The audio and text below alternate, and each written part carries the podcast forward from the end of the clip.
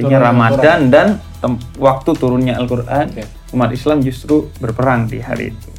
Tentu kemudian orang bertanya-tanya, tidak ada perang yang landasannya adalah dakwah. Hmm. Justru kritik Al-Quran adalah kepada orang-orang kafir yang melakukan perang untuk mendakwahkan agamanya.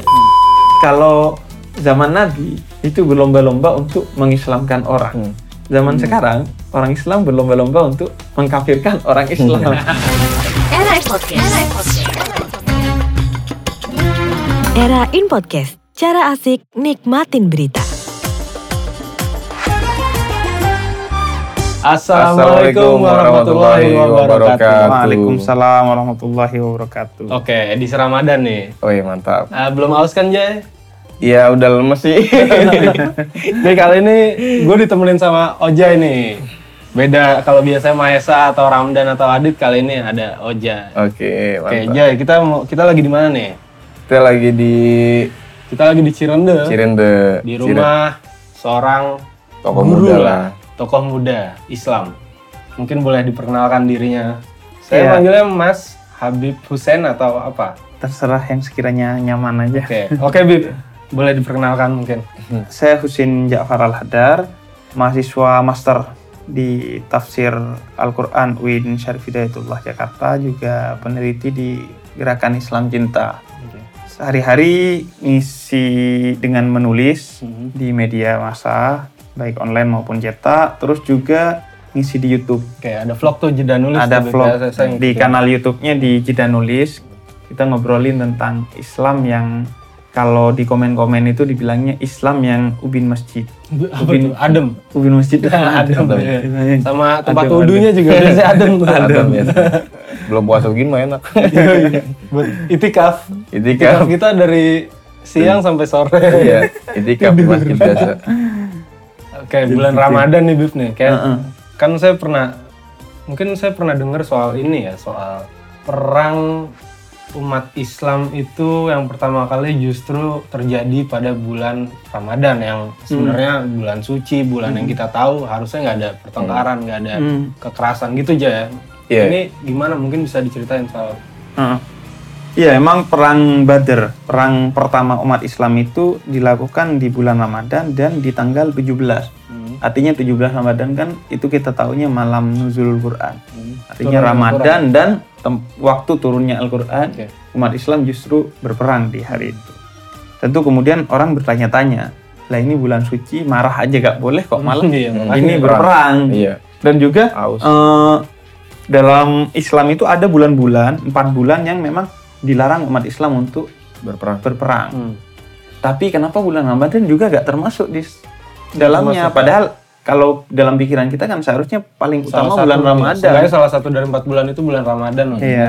Nah, jadi hikmahnya adalah bahwa bulan Ramadan ini kan bulan suci Hmm. dan bulan ampunan. Oke. Maka itulah sebenarnya pola pikir Islam tentang pemaknaan terhadap perang. Hmm. Artinya perang itu tidak dilakukan pertama dengan nafsu, Oke. bukan karena kemarahan, bukan karena kebencian. Hmm. Tapi perang harus berlandaskan kepada latar belakang yang suci dan cinta kasih. Hmm.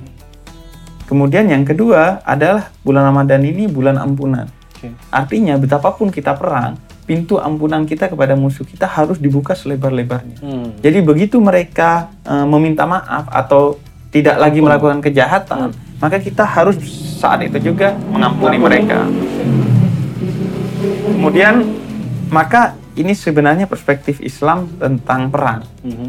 Perang itu dalam Islam landasannya adalah cinta kasih dan sebesar-besarnya siap untuk mengampuni kapan saja. Mungkin soal yang cinta kasih ya. Perang seperti apa yang didasari cinta kasih sih maksudnya?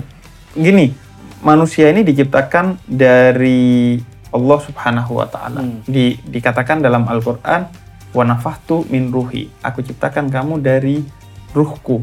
Oke. Dan ruh utama Allah itu adalah yang digambarkan dalam Al-Qur'an, Rah, Ar-Rahman dan Ar-Rahim. Maha pengasih dan maha penyayang. Maka manusia ini manusia yang cinta kasih. Manusia ini adalah makhluk yang se- seluruhnya adalah cinta kasih. Nah, kalaupun boleh atau ada kebencian, kebencian itu bukan kepada pribadinya, Hmm. tapi kebencian pada kelakuan orang lain.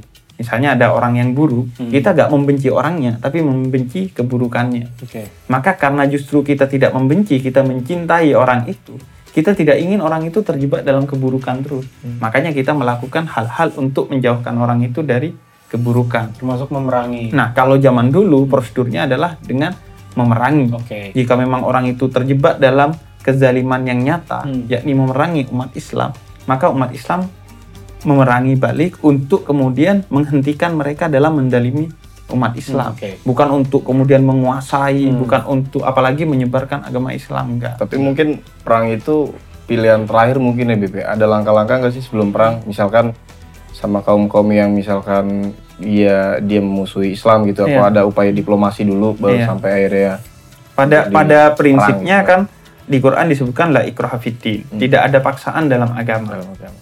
Jadi pertama nggak nggak ada eh, paksaan dalam dakwah. Hmm. sehingga kemudian tidak ada perang yang landasannya adalah dakwah. Hmm. Justru kritik Al-Quran adalah kepada orang-orang kafir yang melakukan perang untuk mendakwahkan agamanya. Hmm. Kemudian ketika orang kemudian melakukan kejahatan kemanusiaan kepada umat Islam, maka umat Islam berupaya untuk tidak memerangi mereka. Hmm. Prosedur pertamanya adalah mencari titik-titik perdamaian. Hmm. Salah satunya adalah dengan syuro, bermusyawarah Oke. ya udahlah kita damai bermusyawarah bertemu untuk musyawarah mencari titik damai Hmm. kalau musyawarah juga gak ketemu nih Ketemu. maka langkah kedua adalah melakukan perjanjian jadi dua orang yang tidak sepakat ini melakukan perjanjian Hmm. untuk tidak melakukan peperangan untuk kemudian tidak saling menyakiti dan lain sebagainya yang terakhir paling akhir dan tidak ada jalan lain yang bisa dilalui baru melalui Perang. perang kemudian dengan landasannya tadi ya landasannya adalah cinta, Cinta kasih, kasih, dan selalu siap untuk mengampuni Hmm. jadi begitu musuh meminta maaf atau begitu musuh menyatakan damai maka kita harus menerima perdamaian itu Oke. betapapun perdamaian itu mungkin kan hanya jadi triknya musuh Hmm, hmm. misalnya ada cerita sahabat Nabi mengejar musuh Hmm. di satu peperangan dan kemudian ketika musuh itu terpojok dia bilang asyhadu an la ilaha illallah wa asyhadu anna muhammadar rasulullah jadi dia menyatakan dia muslim Oke. terus sahabat ini tetap melakukan kekerasan kepada musuh Perang ini Hmm. dan ketika selesai peperangan Nabi marah pada sahabat Ansar Sahabat. ini Hmm. karena kata Nabi kamu membunuhnya setelah dia mengucapkan syahadat iya Nabi kata sahabat ini karena saya tahu syahadatnya itu bohong kata Nabi emang kamu tahu isi hati orang Oke. dan kemudian Nabi marah pada orang ini. Hmm. Artinya begitu orang menyatakan perdamaian, betapapun kita menduganya perdamaiannya itu palsu, Hmm. Maka kita harus tetap menghentikan peperangan, Oke. menghentikan untuk melakukan kekerasan kepada mereka. Karena Nabi ajarkan kita hanya bisa menghukumi orang dari dohirnya saja, dari Hmm. tampilan luarnya saja. Gak bisa tahu isi Hatinya. hatinya. Yang bisa menghukumi hati hanya Allah Subhanahu Wa Taala. Oke. Itu nabi tuh yang mana? Ya. Dan, apa eh, yang menarik juga perang dalam Islam itu selain itu yang terakhir solusi terakhir. Kemudian dia sifatnya adalah harus landasannya cinta kasih dan visinya adalah mempertahankan diri, membela diri. Hmm. Nggak boleh kita nyerang duluan umat Islam itu. Harus kalau diserang baru membela diri. Dan yang paling penting adalah etika perangnya itu sangat ketat. Misalnya nggak boleh membunuh tumbuhan atau hewan. Hmm. Jadi bayangin ini Ada lagi perang, lagi gitu. kacau, umat Islam nih harus masih Itu kalau- hati-hati. itu kalau di Avenger ada tuh Groot. Aduh. Groot sama Rocket. Tumbuhan sama hewan. Iya. benar. Jadi itu harus dijaga. Ah, Terus kemudian nggak boleh membunuh wanita dan anak-anak. hmm. Kadang kita ngetes-ngetes pedang, motong-motongin pohon. Iya. Ini nggak boleh. boleh ternyata. Nggak boleh.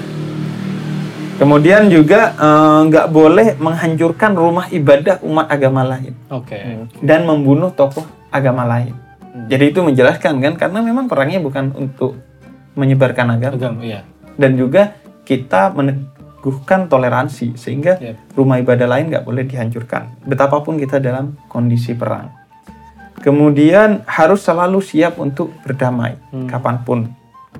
Dan juga Islam mengajarkan kita untuk bersiap-siap untuk berperang. Artinya kita mempersiapkan diri untuk berperang. Oke, itu gimana tuh, Bib? Nah, orang mungkin salah paham. Wah, ini agama-agama perang nih kok selalu siap iya, untuk kayak berperang. misalnya kita harus bisa memanah, kita harus bisa berkuda. Itu Iya. kan secara awam Iya, saya iya, pun, iya. iya, gimana? Itu Seolah-olah- seolah-olah persiapan. Ini agama perang mulu nih, ngajakin perang mulu nih agama.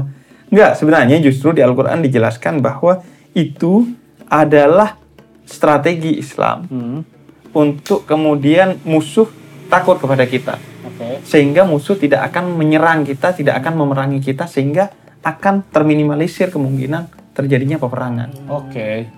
Jadi kalau- justru mempersiapkan agar musuh segan kepada kita atau bahkan takut kepada kita sehingga kemudian mencegah peperangan, mencegah peperangan terjadi. Bukannya kita malah bukannya kita ngajak ribut. Ya kayak lo bawa pistol lah gitu misalkan man. beceng gitu kan Ya buat kan, kayak misal lo bawa pistol air kan nggak mungkin juga orang. Iya. Tapi anyway bahwa kita salah kalau menganggap Islam itu eh, agama perang. Hmm, Karena gini, kita lihat dalam perspektif Nabi. Oke. Nabi itu 23 tahun hidupnya sebagai Nabi dan Rasul. Hmm, Jadi hidup Nabi kan 63 tahun. hmm, Diangkat menjadi Rasul sejak umur 40. Artinya 23 tahun sebagai Nabi dan Rasul. 23 tahun itu berarti 8.000 sekian hari. Oke. Nabi sebagai pribadi Nabi dan Rasul. Nah, ternyata perang Nabi itu hanya dilakukan sekitar 80 sekian hari Dari sepanjang kenabiannya. dari sepanjang kenabian. Artinya hanya satu persen hidup Nabi yang digunakan untuk Hmm, berperang. Oke, oke. Saya nangkep. Selebihnya 99% hidup Nabi itu isinya dua. Yang pertama menegakkan perdamaian, menjadi rahmat. Hmm. Yang kedua adalah menjadi seorang yang berkepribadian dan bermoral tinggi kepada orang lain, yang disebut dengan akhlak dalam Islam. Jadi hanya satu persen hidup Nabi yang berperang. Tapi kalau kita baca tuh sejarah sejarah Tentang Literasi Islam. mana gitu. Iya. Seakan-akan framingnya justru perang perang nih. atau buku-buku sejarah kebudayaan Islam di SD dulu gitu tuh, itu kan menjelaskan Nabi Nabi dalam perang Badr, Badar. Nabi dalam perang Uhud, Iya. Nabi dalam perang ini perang itu. Iya, iya. Terus aja tuh Nabi seolah-olah isinya hidupnya Iya, hanya berperang. Peperangan. Iya, iya. Padahal berperang hanya satu persen dan juga perangnya tadi yang sudah kita bahas. Perangnya itu dengan segala regulasi. dengan segala regulasi dan landasannya karena cinta Iya, kasih. kasih. Jadi saya justru sering mengkritik tuh kalau orang-orang di luar Islam meng- mengetahui dan bahkan menggambarkan Nabi sebagai orang yang suka berperang. Hmm. Itu mungkin karena kita salah juga memberikan gambaran kepada mereka tentang Nabi. Misalnya. Kita fokus hanya pada yang satu persen itu. Hmm. Kalau kita menjelaskan sejarah Nabi dalam frame perang, lumrah saja kalau Oh, orang iya. menangkapnya seolah-olah agama ini agama perang dan Nabi Oke. ini orang yang suka berperang. Hmm. Tidak digambarkan dalam gambaran yang tepat, yang 99%. Justru mayoritas 99 persen. Justru yang 99% itu sering luput dalam kisah kita. Hmm. Misalnya salah satunya eh, Nabi itu pernah satu hari berpidato di depan sahabatnya Hmm. Kemudian ketika pidato itu ada iring-iringan jenazah orang Yahudi. Oke. Jadi orang Yahudi meninggal dan kemudian jenazahnya lewat di depan masjid Nabi. Hmm. Maka Nabi berhenti. Nabi berhenti berceramah dan kemudian Nabi ke depan masjid dan berdiri mengheningkan cipta gitu. Hmm. Sampai jenazah Yahudi ini lewat. Oke. Kemudian sahabat kayak menarik gitu jubah Nabi gitu. Disangkanya mungkin Nabi nggak tahu. Ini orang Yahudi loh kata sahabat. Hmm. Terus kemudian kata Nabi, bukankah dia manusia juga? Oke. Oh iya, ya sudah kita hormati dia sebagai manusia. Dan itu kemudian dikonfirm sama kata-katanya Sidna Ali. Kata Sidna Ali, mereka yang bukan saudaramu dalam agama adalah saudaramu dalam kemanusiaan. Oke. Itu Yahudi yang sudah mati loh. Iya. Nabi Iya. sangat menghormatinya. Apalagi Yahudi yang Masih hidup. masih hidup, kita toleransi kepada mereka. Betapapun padahal di Iya. dalam Yahudi itu ada orang-orang Zionis yang sangat kejam kepada Iya. umat Islam di Palestina. Iya. Tapi kita tidak akan marah, tidak akan benci dan apalagi tidak akan memerangi siapa saja yang tidak benci, Hmm. tidak memerangi kita. Dan kita harus jeli untuk tidak mengeneralisir. Iya. Misalnya ada kelompok dalam Yahudi seperti Zionis yang memerangi kita. Ya kita benci dan memeranginya kepada Zionis, Zionis saja. saja. Kepada Hmm. Yahudi yang lain kita bersikap toleran, bersikap damai dan fastabikul khairat, berlomba-lomba dalam kebaikan, Kebaikan. bersama mereka. Nah, itu juga yang ini uniknya fastabikul khairat. Oke. Jadi berlomba-lomba dalam kebaikan, Hmm. bukan dalam kebenaran. Oke. Belum. Kebenaran itu Jadi Agak kita lebih- itu agama-agama ini kan punya klaim kebenarannya masing-masing oh. kan. Hmm. Jadi kita jangan berlomba-lomba dalam kebenaran. Misalnya saya sama orang non muslim itu jangan benar-benaran Jangan sudah. beradu kebenaran. jangan ya. beradu kebenaran kecuali dalam diskusi yang konstruktif ya diskusi yang eh, bermanfaat Hmm. ya udah kamu beda dengan saya dalam meyakini kebenaran ya udah kita sama-sama gotong royong bersihin got kita sama-sama bareng untuk bangun rumah yatim piatu untuk siapa saja yang membutuhkannya itu relasinya relasinya penuh dengan toleransi sebenarnya. Iya. Ya seindah itu men sebenarnya. Iya, itu yang kemudian tidak mendapat perhatian yang cukup. Makanya kemudian kami itu concern di yang namanya gerakan Islam cinta. Iya. Jadi sebenarnya ya Islam itu gak usah cinta ya emang penuh cinta sudah. Tapi kita ingin ka- di tengah-tengah orang yang menegaskan seolah-olah Islam itu Iya. kemudian identik dengan perang, kita hadir dengan gerakan yang namanya Islam cinta yang mendakwahkan bahwa Islam itu isinya cinta kasih Sebenarnya. sebenarnya sampai dikatakan oleh Nabi bahwa cinta itu adalah asasku juga oleh salah satu tokoh Islam di zaman awal namanya Sayyidina Ja'far as-Sadiq bahwa apalagi Islam itu kalau bukan cinta Hmm. jadi gak ada bahkan perang pun tadi kita sudah sudah bahas landasannya cinta, Cinta. perang itu udah Hmm.